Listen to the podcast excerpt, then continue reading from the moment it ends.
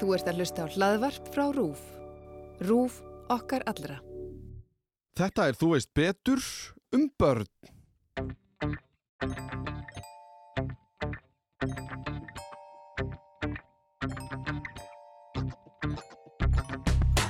Við erum sem sagt með svona það sem að verður að tálknum í fiskum og það hefur fengið bara nýjan tilgang í okkur.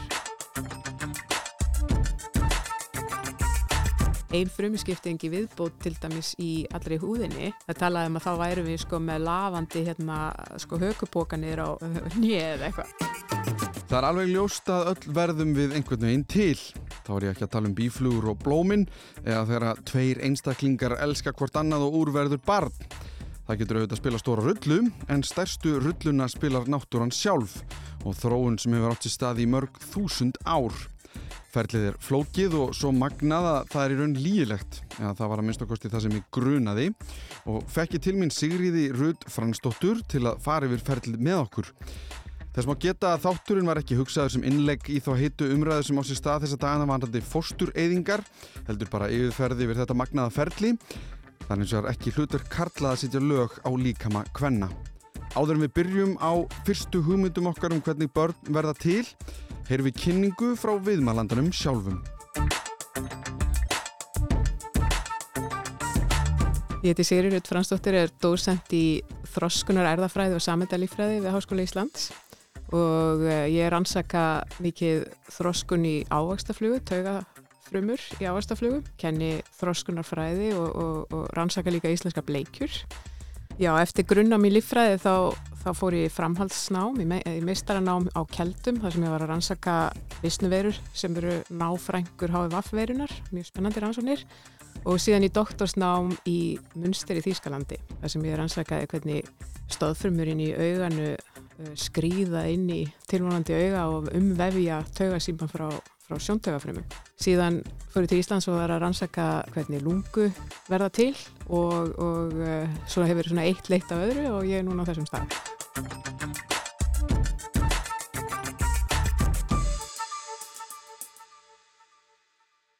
Við vitum náttúrulega ekki hvernig, hvernig svona forsögulegar pælingar voru en Mm. við, við, við sjáum kannski einhver, eitthvað í, í skurgoðum eða annað slíkt sem að bendi til þess að fólk hafi velt mikið fyrir sér þessu sem er að gerast inn í móður þegar barn verður til en menn, menn náttúrulega höfðu ymsar hugmyndir um fjölbreyttar hugmyndir í líf gæti, gæti kviknaða sjálfu sér í drullu eða eitthvað svoleiðis -hmm.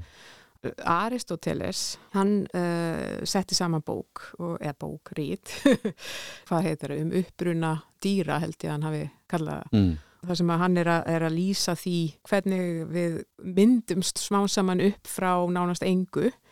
Þannig að það, það var eitthvað sem hann áttaði sig á eða hvað? Þetta væri einhvers konar, sem, ég er að fara að segja gradually, en þetta væri eitthvað sem væri í, í litlum skrefum að eiga sér stað. Já, svona, að við, að við köllum þetta svona formaukningu í dag. Að fóstrið það byggist upp smám saman og hann áttaði sig á því en, en menn voru bara alls ekkert sammála því setna meir sko, þetta, þetta eiginlega sopnaði. En það er kannski áhugavert á sama tíma og hann er á þessu, þá eru menn og, og, eða fólk í Asíu að koma með alls konar hugmyndir um þroskun líka og, og víðar í heiminum. Mm. Þannig að það er ekki, sagan sem við lesum er mjög evrósk. Það er til dæmis til einhver ótrúlega búttísk rít um þroskun mannsfóstus sem er hægt að leggja bara saman við lýsingar á fóstustegum mannsfóstra og lýsingarna passa 100%. Þetta eru rítfráði rétt eftir sko bara fyrstu öld eða svo. En hérna- hvernig? En, Já, maður spyr sig, hvað hva, voru, var verið, voru þetta fóstulát, hvað hva gerði, hvernig vissu þeir þetta, því að veist, þetta, þetta var alveg, Þetta þetta er mjög nákvæma lýsingar. Sko. einmitt. En hvernig er þá, sko, bara svo Aristoteles, hvenar er það? Það er svona 300 fyrir Krist. 300 fyrir Krist. Já. Ok, þannig að það er með þess að fyrir þessa hugmynd um eingetin, hérna, Eh, Já, já, já, um eingetin svoan sem kemur upp úr, í, þú veist, engu eða þannig. Já, hann hefur mikið verið að spá í þessu og greinilega verið í, í, í sínum rannsóknum á þessu efni. Sko. Já, Og svo líða, sko, já, næstu í þúsund ár, nei, nei, næstu í 2000 ár, einmitt. Það er, hérna, það er sko, það er 17. öld, þá kemur hérna, ég held að, já, Harvey með svona meiri lýsingar og, hérna, og segir allt komið frá eggi. En byrju, bara, þessi 2000, bara því að þessi 2000 er bara ekkert Það er voðalega lítið, eða svona lítið allavega Það er lítið skrásett Já, það, einmitt. það, kannski lág áhugin annar staðar, ég veit ekki. En, en sko það fór að mynd, mótast á þarna svona þessum tíma líka hugmyndir um það að það gæti ekki verið að fóstri byggðist bara svona smá saman upp. Uh, það, það væri í annarkvört egginu eða sæðinu. Og það voru mér svona, svona tveir skólar sem var svona eggja og sæðiskólin Já, einmitt. um að væri pínulítið fóstur inn í þessum frumum og hérna inn í þeim væru, væru svona frumur með pínulítið fóstur inn í sér og svo bara með ímynda með sér salin hans sem speklar eru hvora móti öðrum og minkar alltaf út í eiliðina uh, menn ég held að þetta væri raukréttast og, og, og passaði trúnni la- langt betur heldur en að væri til dæmis einhver svona dulafullu drifkraftu sem drifi áfram einhverja svona Mhm. þroskun þetta, það, það var bara of mikið sko.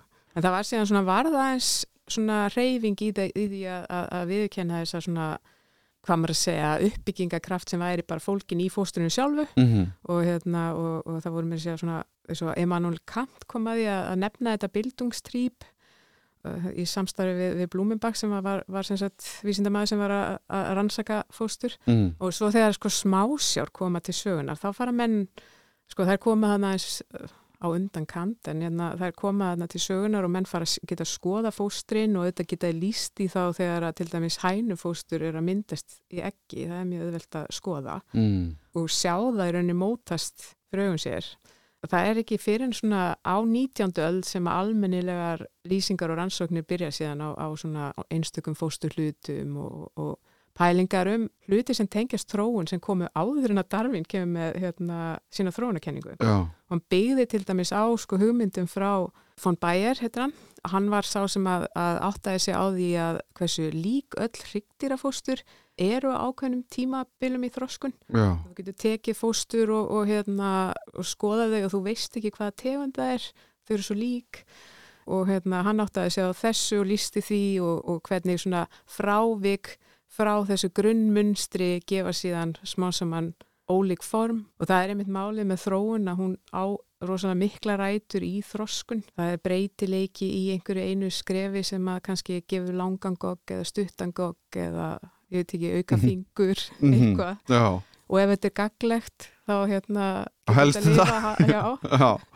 En sko er að því að við erum svona aðeins að sko daðra við DNA mm pælingar líka. Ég, ég ger nú þátt um erfðir hérna fyrir einhverju síðan -hmm. en helst þetta eitthvað í hendur við hugmyndum okkar um DNA. sko DNA er bara grunnmódelið fyrir okkur Já. Og- og- en þekking okkar á DNA, þú veist að Já. því að, að þú segir á 19. öld já, já, síðan, já, tengingin við hvað sé að gerast þarna þú veist, að ég man ekki hvernig við föttum DNA já, að hvort að, og þú, að þú nefnir s- stuttur gókur, lítill Já. hvað sé að gerast mismöndi stig, er þetta á einhvern hátt tengt sko í svona þekkingarstigum rauninni þekkingin á þessu kemur áður en að menn átt að segja erði séu bundna við litninga og Já, svona, já. að, en, en, en menn eru farnir átt að segja erðum hins vegar Já. og, hérna, og, og svo koma sko, já, það kemur til dæmis hérna, faðir flugu erðafræðinar, hérna, Tom Sand Morgan já, hann kemur og, og tengir sem sagt gen og erðir, erður og gen við litninga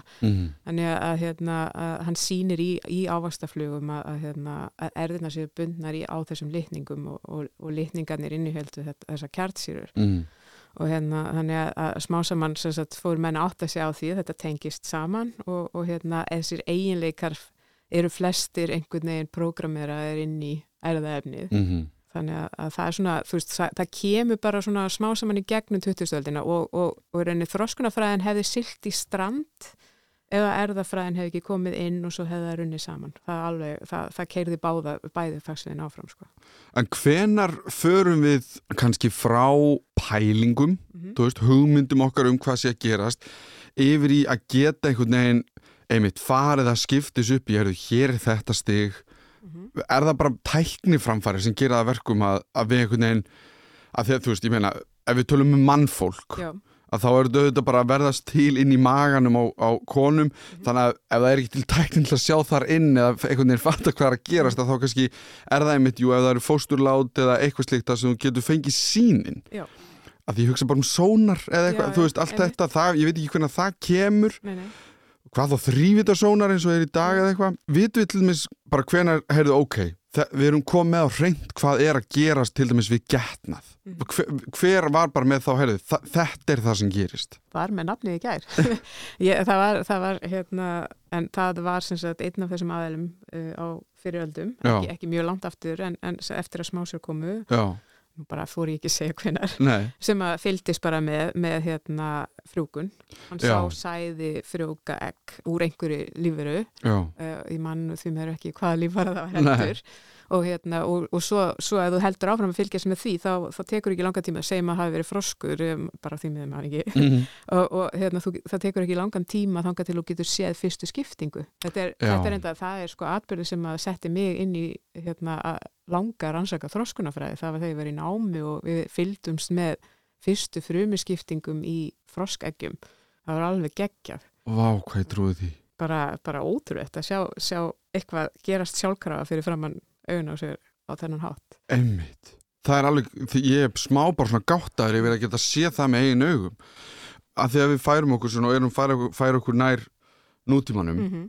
þú veist, er það þá á síðustu hvað, nú er 2022 síðustu 50 árum eða eitthvað sem við erum bara komin í einmitt sónar, síðan þrývitarsónar þú veist, hvernig er einhvern veginn hvernig hafa hugmyndur okkur þróast síðan að því með umræðan í dag að þá líður mér smá, eða það kemur mér smá óvart hvað ég veit ekki hvernig ég á orðið þetta en það virðist vera á reiki sumstaðar, hvað sé að eiga sér stað Já, það Og- er nú einmitt málið þú veist, á þessum 50 árum, síðastlunum 50 árum eða eitthvað, er ekki búið að komast fyrir eitthvað mikið á hreint hvað það er sem er að gerast?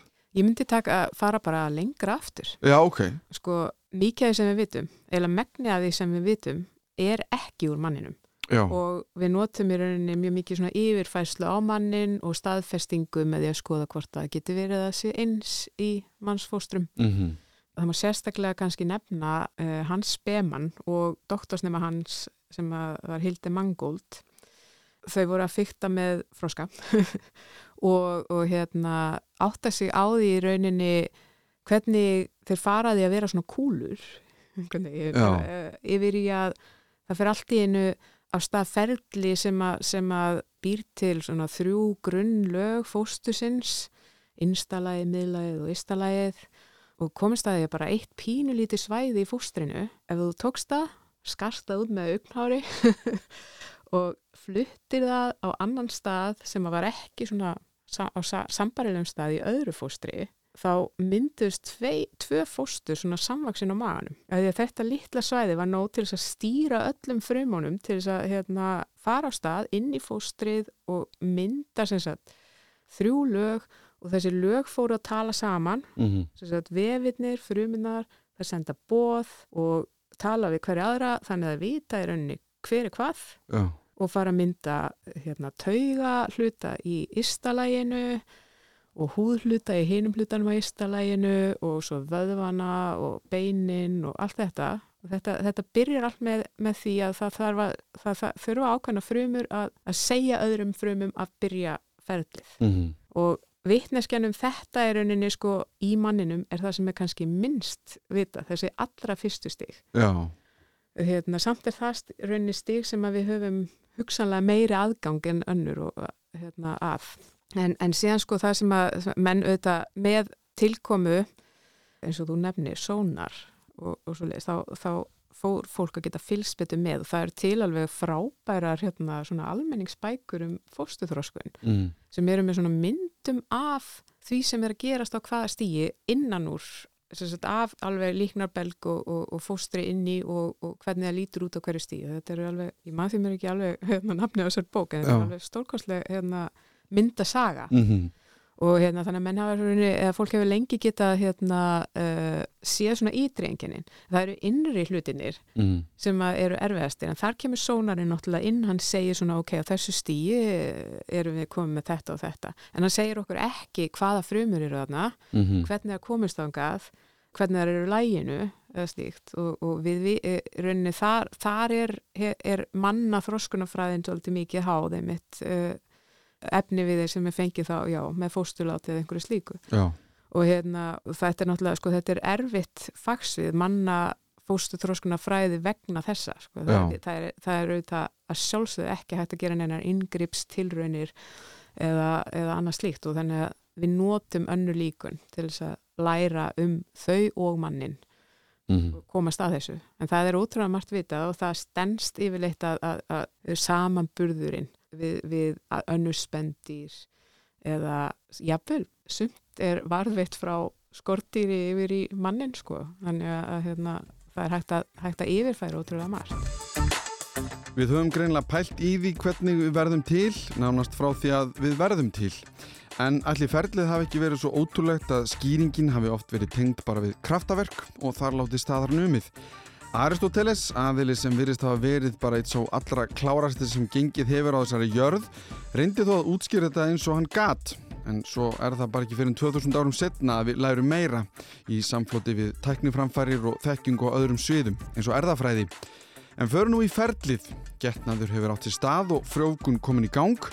Hvað gerist svo?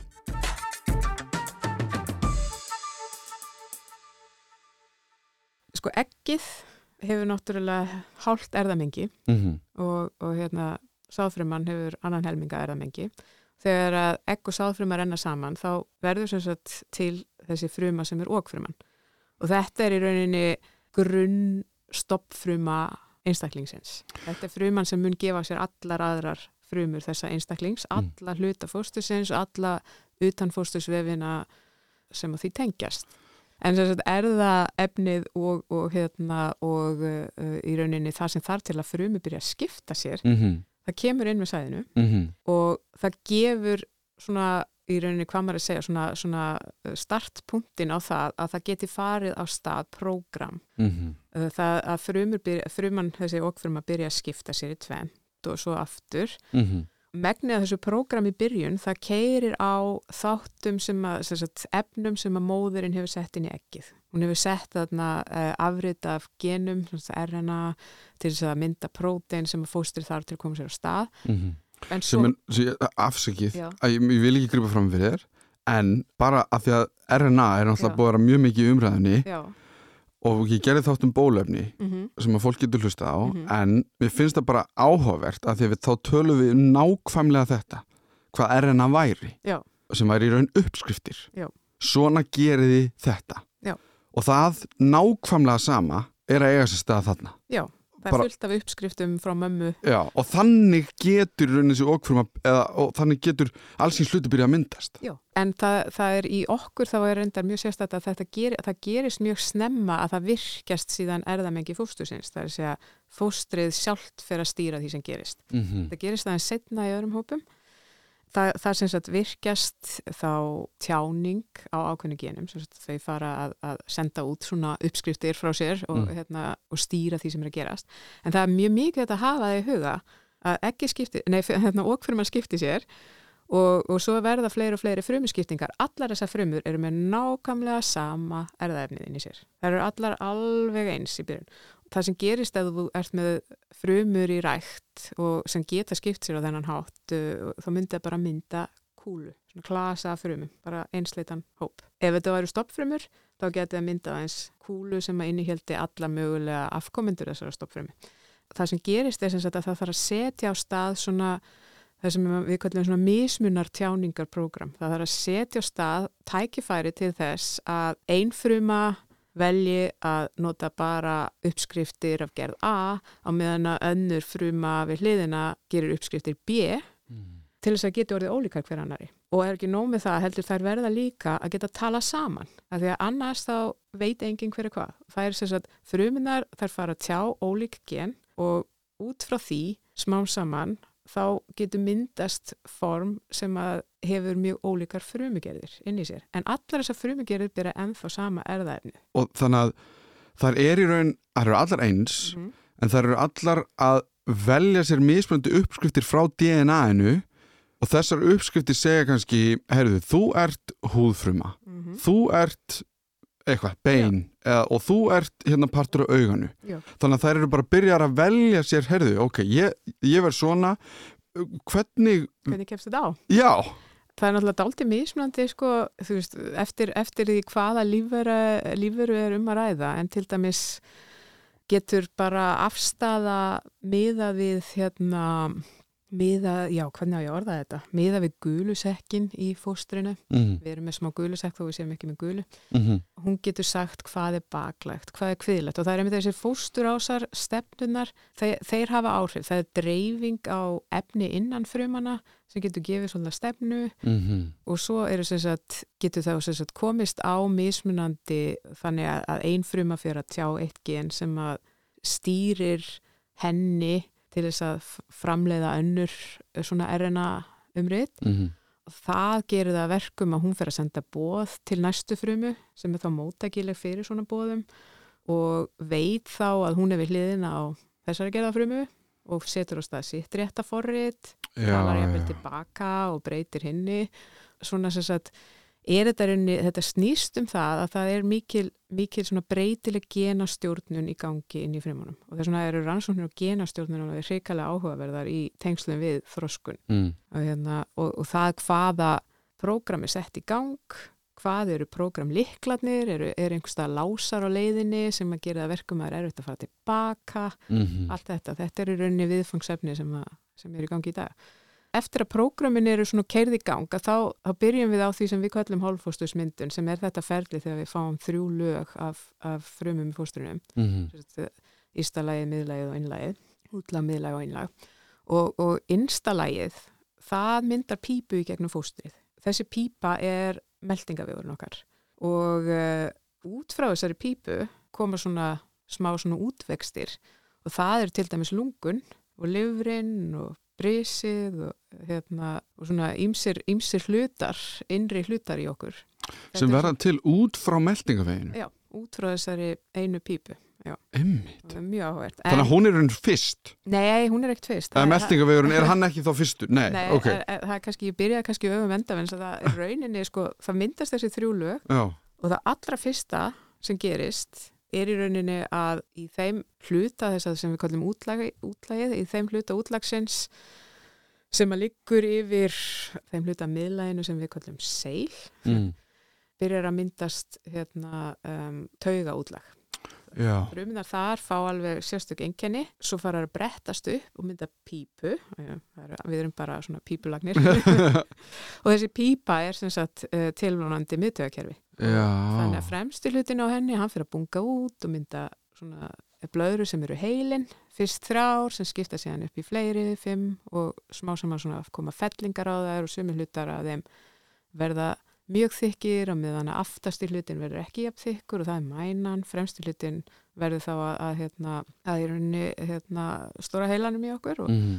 augað fyrir að myndast af því að það verða samskipti á milli svona útbunguna og, og hérna restarinnar af, af hérna ístalæginu Mm. og hérna á meðan er sem sagt miðlægið að mynda já, forstíðin að hrygnum rifbeinin Þannig að það, og við, einmitt að ég bara eina, þannig að miðlæð er það, það beinin, ekki bara. Ekki bara, nei. Vöðvar, bein, Já, stóðvefur svona alls konar bandvefur. Mm það er rauninni mjög mikið á okkur er miðlæg einmitt. Og hérna heldur okkur svolítið mikið uppi. Þannig að við fungerum út af uh, tögakerfinu í útlæginu og, hérna, húðin kemur á því og það er náttúrulega að frá húðinni koma tennur og hár og og allt sem við út að tala um eru bara frumur já, að skipta sér mm og að velja uppskriftir, hvað á ég að vera? Og frumindar eru ekki bara að skipta sér. Nei, þær eru líka að, að hérna, flytja sér á stað færast á millistaða í fóstrinu. Þetta er náttúrulega stýttri vegalengdi þegar það er lítið fóstur. já. Og, hérna, og þær eru sumar að, að drepast til þess að, að hérna, þroskun geti orðið rétt þannig að frumu dauði er hluti af þroskun. Já, og þannig að, að þær keira alls konar prógram og þær þurfa til dæmis að rata að þær sem að ferðast þurfa einhvers konar leiðavísa mm. til þess að rata á réttan stað í fóstrinu það eru lagðir svona vegir af efnum þannig Mm. að frumunar sæki einhverja ákveðna átt og hérna, þær þurfa að vita hvernig það eiga að stoppa annars fyrir allt í kásu En hve- hvernig, að því mér líður eins og það verði að vera einhver verkstjóri yfir þessu öllu saman en er þetta allt Hann einhvern veginn er það mingið? hann er bara erðamengi sem er í öllum frumunum Já þannig, og alla frumundar eru eins mm þannig að í grunninn hafa þeir allar einhvern samilegan verkstjóra Já. sem er einhvern veginn að stjórnu sig án þess að gera það meðvitað. meðvitað, já, í raun það er, það er einhvern veginn vita bara hvað er ég að vera að gera Já, það, það er bara, þessir ferlar eru, eru það löngu prófaðir, það sem virkar ekki löngu dött og hérna að, að þessi, þessi ferla keira sér bara áfram sjálfkrafa ef þeir komast á stað. mm Og, hérna, og hvað er, sko, að því nú ertu við erum búin að fara yfir og frumuna og, og skiptingar og, og síðan er það þessi lög Mhm. og hva, hver er tímaraminina? hann er bara mjög stuttur í rauninni. Já, að þetta eru nýju mánuðir Já, en, en sko fóstrið er komið í rauninni í nokkuð fullamynd en alls ekki, alls ekki fullþroskað en Nei. það komið með all svona forstig að öllum uh, uh, líffærum mm og líkamslutum uh, vel fyrir nýju vikur. Kanski, kannski tólf vikur séu svona þá líkur þessu, hérna, þessum fósturvísi sluta og hérna, þannig að, að sko mjög margt er að gerast í rauninni áður en að kona veit að hún er ólitt til Já, á þeim tí tímabili er til dæmis taugapípan búin að loka sér og, og, og svo leiði sko og þá, þá skiptir máli til þess að vera búin að taka nóg af, af hérna, fólinsýru til þess að í veg fyrir að hérna, klófin slið. mm Þetta er að gerast mjög snemma í fóstuþróskun, síðan tekum við vöxtur og hann er partur af þróskun líka. -hmm. Taugakerfið heldur áfram að þróskast, það, það er talað um að heilin sé sko að klára svona, sinn svona vöxt og þróskun kannski 20 og eitthvað ára. Já, einmitt Þannig að, að, hérna, að, að, að það er sko, það er ferli sem er raunni við fæðingu er, heilin mjög vanþróskaði miða við hvernig hann er síðan nokkrum árum síðar og svo heldur hann áfram sko. En hvað er það sem að, að því að við segjum bara, bara til þess að einfalda þetta mm að 12 vikur, 3 mánuðir -hmm. að þá séu svona mikið af þessum, þessum þessari skiptingu, þessum frumum og öllu brjálaðinu að einhverju leiti lokið. Já, það haldar áfram skiptinga til að stækka. Já, þú veist, en, en það er einmitt það sem ég var að pæla, sko, Já. þessu sex mánuði sem eru eftir, Mm -hmm. við segjum stækka, Mm en hvað er að stækka? Það er mjög góð spurning. það er náttúrulega sko einmitt, hvað er að stækka? Veist, það, það, það er náttúrulega verður vöxtu til dæmis á beinum og, hérna, og það drýfur áfram lengingu á útlimum eða, eða líkamannum. Og vöxtur á beinum, er það bara fleiri bein já, frum, frumur að skipta, þú veist, að verða til? já, að, og, sk- það, og sá vöxtu við vitum að hann heldur áfram þanga til að við hættum að stækka. Þannig við erum bara kannski að byrja ferli sem að í raun við þekkjum alveg, Já. bara af því við höfum alst upp. Já, og þetta er svona stækkar, það stækkar hlutarnir til þess að halda í við þörfina, líf, uh, lífeðlisfræðilega þörfin til þess að keira áfram hennar líkama Mm -hmm. og til þess að... Byrju, hvað í meinar með líf eðlis? Já, þú verður aðeins ekki verið með fósturhjarta í, í, í hvað, þryggja kílóa badni, það er pínulítið svona upphásjarta, það verður að stækka til þess að ná að dæla blóði um allan líkamann. mm Þannig að, að sem sagt, stærð líffærana samsvarar innu þörfinni fyrir þau. Þannig að það, það er svona helst allt í hendur og þess er einhvern veginn stýr. Það er einhvers, einhvers konar stjórn sem segir sko þetta er orðið nógu stórt og þetta Mhm. er að því að ein frumiskiptingi viðbót til dæmis í allri húðinni. Það talaði um að þá værum við sko með lafandi hérna sko hökupókanir á nýið eða eitthvað. Já, þetta er ákúrat. Það, þú veist, Þetta bara er þróunin. rosalega akkurat. Það Já. er alltaf stoppað af á réttum punkti Já, auðvitað síðan koma inn svona frávik og, Auðvitað, og, og allt svo leiðis en, en, en hérna, þetta er mjög stýrt allt saman og bara búið að vera að þróast í mörg, já. þú veist. það er til dæmis eitt alveg ótrúlegt Mm. ef maður horfir á lungu í mús og það sama gildur um mannin að, að hérna, það, það er ekki bara svona tilviljina kent greinamyndun heldur er hún, er hún alveg nákvæm það er að segja að það kemur það koma tvær pípur það skipta sér þarna og svona oft og, og hérna, þú veist, það er alveg niður njörfað hversu oft í hvaða átt hérna, skiptingarnar eru allavega svona fyrstu, ég man ekki alveg hversu langt inn í stækkun lungnana þetta Mhm. nær þannig að lungnablöðru fjöldin í byrjun, eða sérst, já lungna einingarnar eru, eru allar nákvæmlega niður njörfaðar það er prógram hvernig þetta myndast þetta er ekki svona eins og bara tré sem vex með greinar einhverstaðar sko. Nei, nei, nei, þetta, þetta er alltaf eins. Mhm. Það er náttúrulega alveg ótrúlegt. Já. En þá langar mér kannski aðeins að því að með önnur aðrar lífverur, Mhm. að því að við vorum að horfa á hérna mynd aðan, þar sem að einhver var að setja fram mynd af fóstri af fíl og hundi. Já. Og þetta var á internetinu þannig að fólk held að þetta væri fóstur, hérna mannsfóstur. mm Þannig að þau eru frekar lík, já, þú veist, á einhverju stíi málsins. Er þetta alltaf svona? Sérst hjá öllum lífverum, þegar nýtt líf er að vera til, Mm ég veit að við erum spendir, já, þannig að það er kannski á þetta við um spendir, Mhm. það sem við erum að tala um hérna. mm En að þið erum búin að froska og mís og eitthvað þetta ferli bara yfir höfuð er það svipað svona yfir heildina? Eða, er, eða, eða hvað? Eða er þetta einhvern veginn er, er eitthvað, kannski er ég að spura bara er eitthvað dýr eða eitthvað sem gerir þetta bara alveg fárlanhátt sem er enga veginn eins og hinir sko? Sko, það byrja sko, maður þarf að fara svolítið langt aftur í þrónatrið til þess að sjá sko uh, einhvern veginn allt öðruvísi hluti. Já, en samt uh, má kannski segja að við tökum hryggdýrin saman. já, Þau eru öll mjög svipuð í byrjun. Samt byrjuðu ekki eins. Eggin okkar eru rosalega ólík, þannig að fiskar og froskar eru, eru með svona gulrík egg og hænufóstur, ég menn fuglar, mm Mhm. eru, hérna, náttúrulega, við vitum alveg við erum að borða já, ekki þeirra. Þannig að, hérna, við, við erum með ólíka byrjun en, en það sem að sko, þessi fóstur líkami mm á ákveðnum stegum snemma í þessu, uh, þessu rauninni fósturvísisferli eru bara mjög lík þannig að maður fer að sjá kannski munin á milli einmitt hérna ferfætlinga og, og, og fiska aðeins fyrr en samt sko, ekki mjög snemma -hmm. og, og, og það er svo margt líkt að, að það, það, veist, það er kannski eitthvað svona min, minniháttar þanniglega sem munur og, hérna, og svo, en svo eru spendirinn lengur lík hvert öðru en það eru náttúrulega hlutir eins og þegar andliti fyrir að mótast þá verður náttúrulega munurinn mjög áberandi milli hópana Mhm. við erum að sjá mannleg einkenni nú mann ég ekki alveg nákvæmlega í, í hvaða vikum það eru hvort það er sjötta, sjönda, áttunda eða eitthvað mm mm það sem að byrja að vera svona frekar mikið áberandi þessi manneskja en samt gæti en þá verið einhver annar já, spendíshópur hérna, en þetta er þá, ok, þannig að þetta er hrygg, hryggdýr, já, þá við að tala um svona innanmarka, nokkurn veginn Já. svipa, svipa ferli það sem er eitt svona geggjaferli er, sko, er, svona, er svona það sem ég kalla symfóníuna sko. mm þegar að hérna, útleiminni byrja að þróskast sko, hvernig prógram er keirt áfram þegar að hérna, þegar myndast útleimir þetta eru bara svona pínulitli svona hérna, vísar, mm. er svona bungur utan á fóstrunni í byrjun og, og erum við þá komið haus? Já, við erum komið svona, svona já, hvað maður að segja, það er komið eitthvað í kringum fremsta hlutan á taugapípunni það er heila einhver hluta. vísir að Já, einhvers konar, og- ok Já, og komið svona, þú veist, augnvísir líka og Já. svona, svona einhver innræðira vísir og svoleiðis.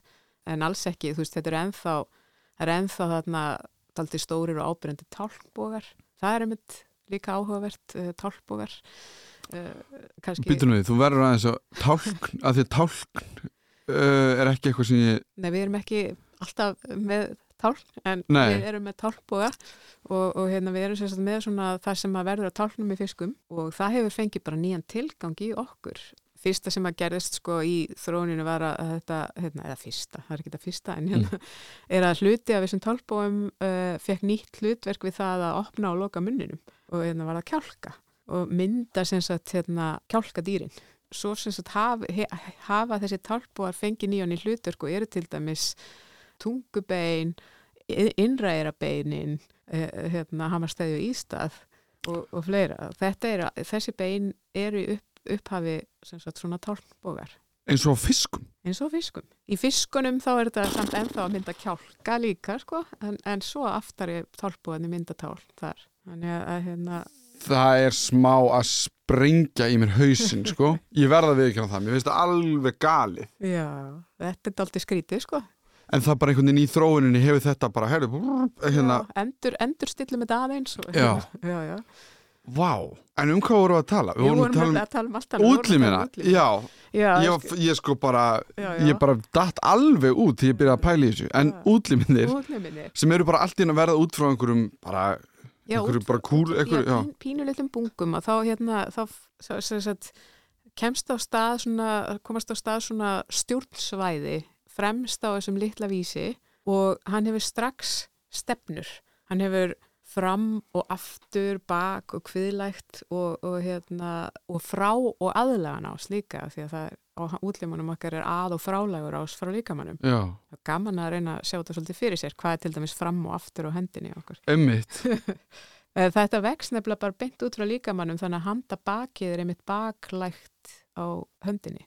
Já, En svo, svo verður smá snúningur í þroskun og þá, þá verður þetta svona snúa aðeins öðruvísi, já, eitthvað En, en, hérna, en þegar þetta er að vaksa sko, þá byrja líka þéttast klasara frumum innst í þessu og mynda brjósk, svona mót fyrir beinin. mhm. Og það myndast eitt mót næst bólnum eftir því sem að þessi litli vísir stækkar þá hérna, verður meira pláss og það eru, eru í gangi þarna skemmtilegir ferlar þar sem að efni koma saman og hafa áhrif á hvert aðna Mm. Og það sem er aðeins meira pláss þar myndast tvö svona brúskmót. Mm. og það sem að plássið eikst síðan ennþá meira eftir, þetta, eftir því sem þetta stækkar þá fara að passa fleiri og fleiri, fleiri og fleiri samhliða sagt, brjósk þannig að við endum með fimm fingur eða fimm tær.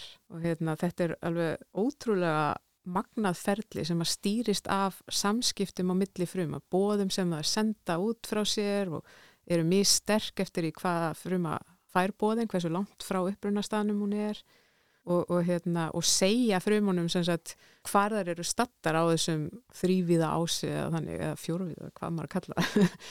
og, hérna, og, og, og það er hægt að mótilera sko ólík form inn í þetta þannig að, hérna, hvað passa mörg bein í, hérna, endan þar sem að fingurnir eru Mm.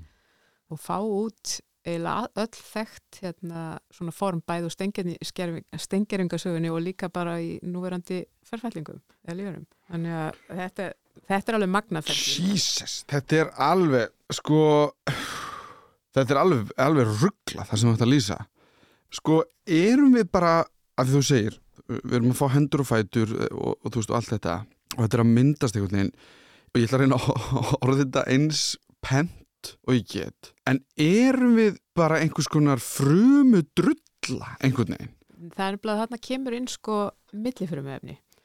Ok. Það er nefnilega þannig að, að, að frumunar það geta búið til efni og hlaðið því upp í kringum sig og tökum sem dæmi bara venjulegt svona útlimsbein mm -hmm. að, hérna, að það byrjar sem mót úr brjóski. Þetta eru frumur sem eru svona eins og segir mjúkar og, og hérna, þétt saman og svona Mhm. þess. En smám saman það verður til ákveðu svona jafnvægi eða sams, samspilmillir og það, það, þær fara að, að hérna, seita frá sér miklu af svona utanfrumu efnum. Mm Um, og þetta, þetta er til dæmis kollagen og alls konar svona og, og hérna svona upphafs Já, þetta eru, þetta, eru bara, þetta eru bara efnin sem að byggja þá upp svona eitthvað sem er, ekki, sem er þá ekki frumur heldur efni í kringum þær mm. Og svo sitja þær bara, þær sem sitja eftir að sitja bara í svona rauninni bolla inn í þessu utanfrumefni Mm -hmm. og við ákveðin stig, ákveðinu stíi þá það sem að beinmyndun á sér stað þá breytist prógramið í þessum frumum þannig að er fara að setja öðrum gerðum að kollagenum og ná, öðrum efnum þannig að það verður hörnun á efnum og það verður til beinvefur og, hérna, og svo er náttúrulega hægt að fara mun dýbri í þetta og alls konar flóknirlutur í gangi en, en, en það er það að, að það er ekki, við erum ekki bara samlíkjandi frumur, við erum millifrumu efni líka Mm og mikið af því. og nú líður mér eins og við séum á svona jæðri einhvers hildýpis af því hvað, hvað er í líkamannum Mm. að því við getum farið yfir öll líffærin líka Meina, hvað Já. er bara vöðvar hvað, þú veist eða, eða bara einmitt lungun, nýrun. En ef við reynum einhvern veginn að taka það saman Já. að því þú ert búin að lýsa einmitt þessu með kollagenin Mm eða kollagenið sem við, við kannski þekkjum að þú getur farið í búð og kift eitthvað skonar kollagen eitthvað. Já, já, uh, úr millifrumu efni í fiskum. úr, milli, úr millifrumu efni í fiskum sem að einhvern veginn lungun, nýrun, líffærin og þetta, hjartað er það líka úr er, er þessi, þessi hlutir líffæri líka úr þessu millifrumu efnum eða eru þetta bara frumur sem eru samsettar eða mynda frumur alltaf millifrumu efni sem að verður síðan það sem það er í dag ef þú skilur hvað við Það er í öllum vefjum er millifrumu efni. já, Uh, alltaf eitthvað. Það já, er mjög smikið. Vöðvi inniheldur ekkert svakalegt magnaði en samt. mm Það, það er, ef þú, sker svona... þverskurð þú, þú sérð svona litla hérna, himnur og, og, og, og svoleiðis sem eru ekki frumur í nema einstaka fruma inn í Mhm. milli. Þannig að þú veist að þú skerð vöðva bara kjött. Hérna, þá, þá, þá sér maður þetta sko, veist, en, en það, það er líka frumum mjög þétt saman um, og í hjartanu líka en samt þær þurfa svona undirlag eða, eða mót eða eitthvað utanum sig til þess að halda formi mm þannig að það er yfirleitt alltaf eitthvað skonar uh, frumulög og utanfrumu efnislög sem að koma við sögu. Mhm. Líka bara hengja upp veist, þessi hengi sem að eru inn í, inn í kviðarhólinu og svo leiðist það þarf einhvers konar það þarf bandvef sem að inniheldur mjög mikið millifrumefni Já, og, hérna, sem bara sé til þess að það sé alltaf rétt um stað. Já. Já, og, og, hérna, og þannig að þetta, þessi formumótin sem á sér stað, hún er líka svo að leggja niður utan frumefnið á réttan hátt mhm. og það skiptir máli til að segja frumum hvert er að fara eða fara ekki lengra og svo leiðis. og kannski bara en við förum aðeins í framtíðina. Vitum við eitthvað af hverju, þú veist, eins og, eins og ég hugsa að þeir sem fara fram yfir settan dag, er það bara eitthvað, heyrðu, við erum ekki alveg búin? Ég, það getur verið en ég held að sé meira þetta sé, ég þekki, ég er ekki læknir sko eða, Nei, nei, nei. En, en hérna, það náttúrulega sko fóstrið er mjög oft bara alveg tilbúið og þetta er í rauninni spurningum að ferlið fari í gang Já, þetta er meira kannski ferlið hjá móður, sem er að fara að fæða. Já, ég man eftir að hafa hýrt, ég veit ekki hvort er, hvort það hefur afturkallað ekki, það var lengi í bók Mm. að það gæti verið að, að hérna, á ákveðnu stíði þegar lungun eru tilbúin, Mm þá losni, voru það ekki frumur, út í sko legukan sem að hafa áhrif á uh, legvekkin -hmm. og geta sett á stað sem sagt, fæðingu. Þú þú veist, ég þór ekki að fara á hana stað eins að það er mjög langt sín ég kynnti mér þetta. Já, e ekkert mál.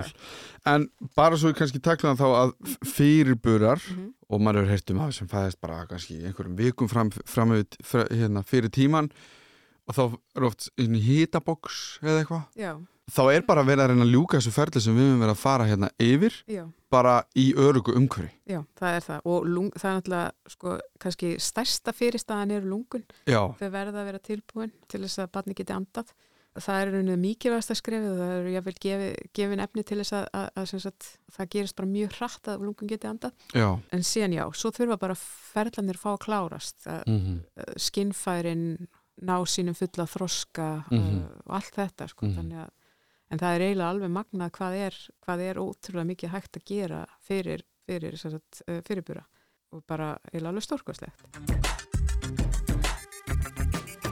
Eftir því sem maður heyrir meira af því hvað sé í raun í gangi þegar að barn verður til, því ótrúlegra verður þetta allt saman.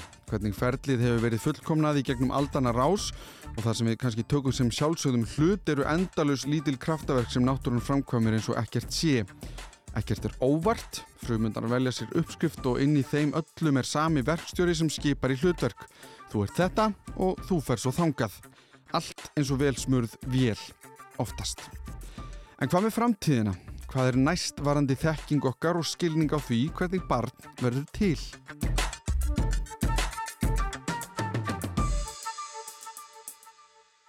Það er hérna rannsóknir í- sem að byggja á stopfrumum Já. fósturstopfrumum eða öðruvísi útbúnum stopfrumum sem eru fjölhafar sem geta mynda alla hluta fóstursins menn hafa nota þær til þess að hjálpa sér við að, við að skilja hvað er í gangi á þessum Mm. fyrstu stegum. Fósturstopfrumur er hægt að taka og láta þroskast áfram uh, utan líkama. Það er, það er sko náttúrulega að hafa komið upp alls konar svona katastrófur út frá stopfrumu meðferðum en hérna er Eins og svona óábyrgum stopfrumu meðferðum eins og það að- koma fyrir einhverjum hérna illa skilgreindum hópum af, af einhvers konar stopfrumum í einstaklingi og, og ætlast til þess að þær fara ekki að mynda krabba megin Einmitt. heldur að lækna. Eh, Það er svona það er allavega að stíga niður mjög varlega og rannsaka vel hvað er verið að gera en stopfrumur eru vissulega uh, framtíð í lækningum. Mm og hérna það að geta tekið stopfrumur úr einstaklingi af sérhæft eða um sérhæft yfir í, í hérna, eða bara líkamsfrumur, breyttum í stopfrumu og nota til þess að gera við viðkomandi er, er í rauninni mjög brilljant framtíð. Svo líka leiðir til þess að virka að því að við erum með inn í okkur fullt af fullorðinstopfrumum sem að geta sett á stað viðgerða ferla sem eru svona þroskunarferlar út af fyrir sig Mm. uh, þá hérna, ef við lærum betur að stýra því til dæmis, þá, hérna, þá getum við hugsanlega gert við vöðvaskemdir Mhm. um, sérstaklega náttúrulega áhugavert með hjartað geta betur stýrt viðgerðum á því þannig að, að, að það er svona ímiskonar framtíð og líka eh, varðandi, varðandi hérna, viðgerður á mænunni og, og, og Mhm. slíkt en það er kannski, þetta er svona allt viðgerður á fullornum sko, en svo náttúrulega ef við erum komin í fóstri þá kemur koma alls konar svona nútíma og framtíðar pælingar um, um hvað er hægt að fykta þar sko. Já, og hvar, mér langar bara til að spyrja, sko, hvar erum við stödd að því að maður heyrir -hmm. ímislegt Mhm. og maður veit kannski minna. Já. Ég, þú veist, ég sem er ekki inn í þessu, maður er einhvern veginn, þú veist, maður er líður eins og maður hefur heyrt bara, já, við erum bara búin að finna hérna hárlit. Hvernig við einhvern veginn. Og náttúrulega í dag erum við komið með hluti eins og glasafrjókun, tæknifrjókun og ég bara þekkit ekki nótils að vita bara mismandi aðferðir og, og hvað við gerum. En þetta allt, hvernig er þessi leikur okkar að guði? Hvar er hann stattur sko? Og hvað getum við gert í dag? Sko, við getum gert ótrúlega margt, við gætum gert ótrúlega margt en við vitum ekki afleðingarnar af því að fara að fykta. mm Þetta er svolítið þannig. Já. Þannig að, að hérna, nú vitum við að það fættust tvö börnana 2018 sem hafa búið erðabreita með krispetækni. Uh, já Krist- Er það að breyta þá hvernig? það var bara búið að taka fru, frumur sem sagt uh, svona úr sagt, fyrstu frumuskiptingum fóstus bara Mm. svona hérna og frumu afkomendur koma fyrir í þeim breytingum á tilteknum genum Mm -hmm. eða tilteknu geni með, með því að nota þessa nýju krispetækni við erum ekki fyrir smáatrið í krispetækninni Já, en, en þannig að, að það búið rauninni að breyta erðaröðinni þannig að það kæmi annað form af, af, af sama sömu genaafyrðinni við. Mhm. Svo bara þessi, þessum fóstuvísum komið fyrir og fættust. Mhm. Það sem er náttúrulega ekki lægi við þetta er að við erum bara ekki komin á þennan stað að vita hvað getur gerst, hvað, hvað, hérna, hvað afleðingar þetta hefur. Og við erum að skipta okkur af þróunarsögu sem hefur tekið mörg þúsund ár. Já, við erum að grípa inn í sko að því að, að, því að þetta er gert á þessu stíi þá mun þessi, munu þessar breytingar erfast til allra afkomenda viðkomandi. Mm -hmm. Um, Svo pínu back to the future pæling. Dálti, ég Þú meina veist, ef, við- hefur áhrif á okkar þá mun það, hérna. ef við hefum tekið flúrljómandi prótein og komið fyrir inn í mannsfóstri Mm -hmm. þá myndi allir á þessu stíi sko, þá myndi allir afkomendunir geta flúrljómað uh, eitthvað. Já. Þannig að það er, þú veist, það, það, það er hægt Mm -hmm. Þess vegna þurfum við uh, að hafa svona skýra reglur hva, hversu langt við viljum fara vegna þess að þetta þýðir að það er þetta lækna ýmislegt. Erðasjúkdómar ganga, þú veist, þetta, þetta eru hræðileg, hræðilegir erðasjúkdómar sem ganga í ættir Mm -hmm. það, það væri hugsanlega hægt að kippa þeim út Mm -hmm. með, að, með að gera breytingar á, á tilteknum genum. Vandamálið við það að fara að fykta er að við erum með þetta erðamengi, það eru því alls konar breytileikar, breyting á einhverju einu geni getur haft áhrif á eitthvað annað gen sem við vitum ekki hver verða. Sérstaklega það sem við vitum heldur ekki almennilega, við vitum ekki allt um genin. Nei, nei, nei, Það er bara mjög langt í frá. Já, já, já. Já. Og, og, hérna, og, og það er svona sko, hver einstaklingur er í rauninni sinn erðamengis bakgrunnur þannig að við erum svo ólík og fullt af því sem við sjáum til dæmis varðandi sjúkdóma og annars líkt er að það eru, eru fjölgina erðir á bakvið og það, það, það bakgrunnurinn hefur áhrif á hvernig sjúkdómurinn kemur fram eða hvort hann kemur fram Mm -hmm. og þá eru við ekki að tala um einhver, einhverja eina breytingu, einhverja einu geni heldur eitthvað út um allt í erðamenginu. Þannig að, að, að hérna, það er svona fyrir ákveðna eingina sjúkdóma þá gæti verið þetta að vera í framtíðin, það gæti líka verið að væri hægt að finna leiðir til þess að gera við bara í ákveðnum líkamslutum. Já, já. Eða nýta frumur úr einstaklingnum til þess að búa til viðgerðarfrumur, svona stofffrumur sem við tala um, til Mm. að koma fyrir í staðin fyrir einhverjar sem er ekki virka, eins og til dæmis í sykursíki, uh, sykursíki 1 sem sagt, að, Mhm. að koma fyrir hérna insulinmyndandi frumum sem eru upprunnar úr, úr í rauninni sama einstaklingi en búið að breyta til þess að mynda insulín. Og laga þær. Já, Já. Og það er í rauninni miklu sniður að fyrir bara að við hugsun sko að við viljum ekki kannski fara að skipta okkur ómikið af framtíð mannkinsins Mm að reyna að gera breytingar sem að eru einstaklingsbundnar en ekki inn í því sem kallum kýmlínuna þar að segja öllum, öllum kynfrumum og, og svo afkomendum -hmm. eftir það. Og síðan er náttúrulega líka þetta með að við erum að færast nærði einmitt að geta kannski skannað Mm. fyrir einhverju mjög snemma. Já, já, það er hægt að gera það. Já, þannig að, Það er gert. og það er gert. Það er gert. Já, Það er gert hérlendis líka. Sko. við alla bara eða? Nei. Nei, nei, nei, þú óskar eftir því Já, þegar fólk að eh, veita til dæmis einhverjum alvarlegum Mm -hmm. erðasjúkdómum í sínum, sinni fjölskyldu þá er hægt að fara í svona skimunar þar sem að er þá valdur úr fóstuvísa sem að eru ekki með einhvern erðagalla. Já, þú gerir það áður en að eftir... brauðið komið í opnin. Já, Ef við orðum, ef við orðum það er sérst hérna, glasafrjókun og þá er, veri, þá, þá er í rauninni skimað fyrir hérna, þá, það, að því að það er hægt að taka fóstur upp að áttafrymur stíi mm og taka það í sundur og alla frumna geta orðið að einstaklingi. Ah, og, og, hérna, og, og þannig að ef þú tekur það í sundur og skimar hvort að einn frumann úr því sé í lægi, Mhm. þá veistu hinnar eru það og hérna, Mm, og þú er- gerir það, já, og þá meinti ég líka að þú getur ekki gert það þegar þetta er komið í, í, veist, já, Já, það, Í það legið, er- eða eitthvað, Nei, hvernig ég meina það er auðvitað hægt En það er erfiðara. Það er leiðilega feldlega því þá ertu líka að fara ákveða hvort þú ætlar að fara þá í fóstur eðingu já, einmitt Þannig að þetta er eiginlega svona, hvað maður að segja, þetta er ekki jafn, jafn, tilfinningaþrúki hluti að ferðinu. Sko. einmitt þannig að við erum, í, við erum á einhver svona mjög áhugaverðu og jafnvel hættulegu stíi í einhvern veginn okkar meðhöndlun eða, eða á þessu öllu saman Já, eða og hvað við getum gert ég held að meðvitundin um sko möguleikana sé það sterk að við séum ekki á hættulegu stíi. mm -hmm. Að því að sko líka þær breytingar sem myndu koma inn með því að einhver dutti einhver staður út í heimi ákveða að erða breyta fólki það eru líklega til þess að rauninni bara skólast út í framtíðinni að einhver leiti nema að gefi einhverja ofurkrafta sem, Mm -hmm. sem að valda því að allir afkomendir verða að hafa þetta. En, hérna, en, en við erum rauninni á mjög skemmtilegu stíði þar sem við hefum möguleika á að, að, að bæta líf. Ég held að ég myndi vilja sjá það þannig sko. En við þurfum líka að stíga varlega niður og vera rosalega meðvitið um það að þetta frábæra, þessi frábæru möguleikar og þessi þekking og vitneskja fyrsta lagi að vera auðmjúk fyrir henni og, hérna, og, og, og lífinu og, og virða fjölbreytileika lífsins og ekki vera skipta sér að en, en, en, en sem sagt að, að vitneskjan um það hvað við getum gert að nýta hana til góðs ekki stoppa út frá einhverjum sko það gæti eitthvað hræðilegt uh, verið gert einhver Mhm. tíman einhver staðar út í heimi heldur nýta það góða í þessu sko Nú höfum við farið yfir það hvernig barn verður til og það er ekkert smá sem á sér stað. Þetta er allt saman ótrúlegra en ég hefði getað ímyndað mér en á sama tíma svo skiljanlegt þegar þetta er sett fram jafn skýrt og hún Sigriður Rutt gerði hér og þakka ég henni kærlega fyrir að koma til okkar og gera nákvæmlega það. Ég heiti Alli Már Steinarsson og þakkum leið fyrir mig. Ef það eru einhverja spurningar og ábendingar sem vakna er hægt að senda mér post á allimar.ruf.is.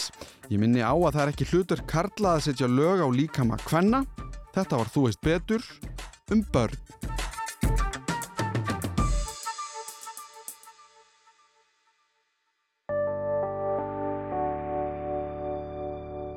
Rúf okkar allra.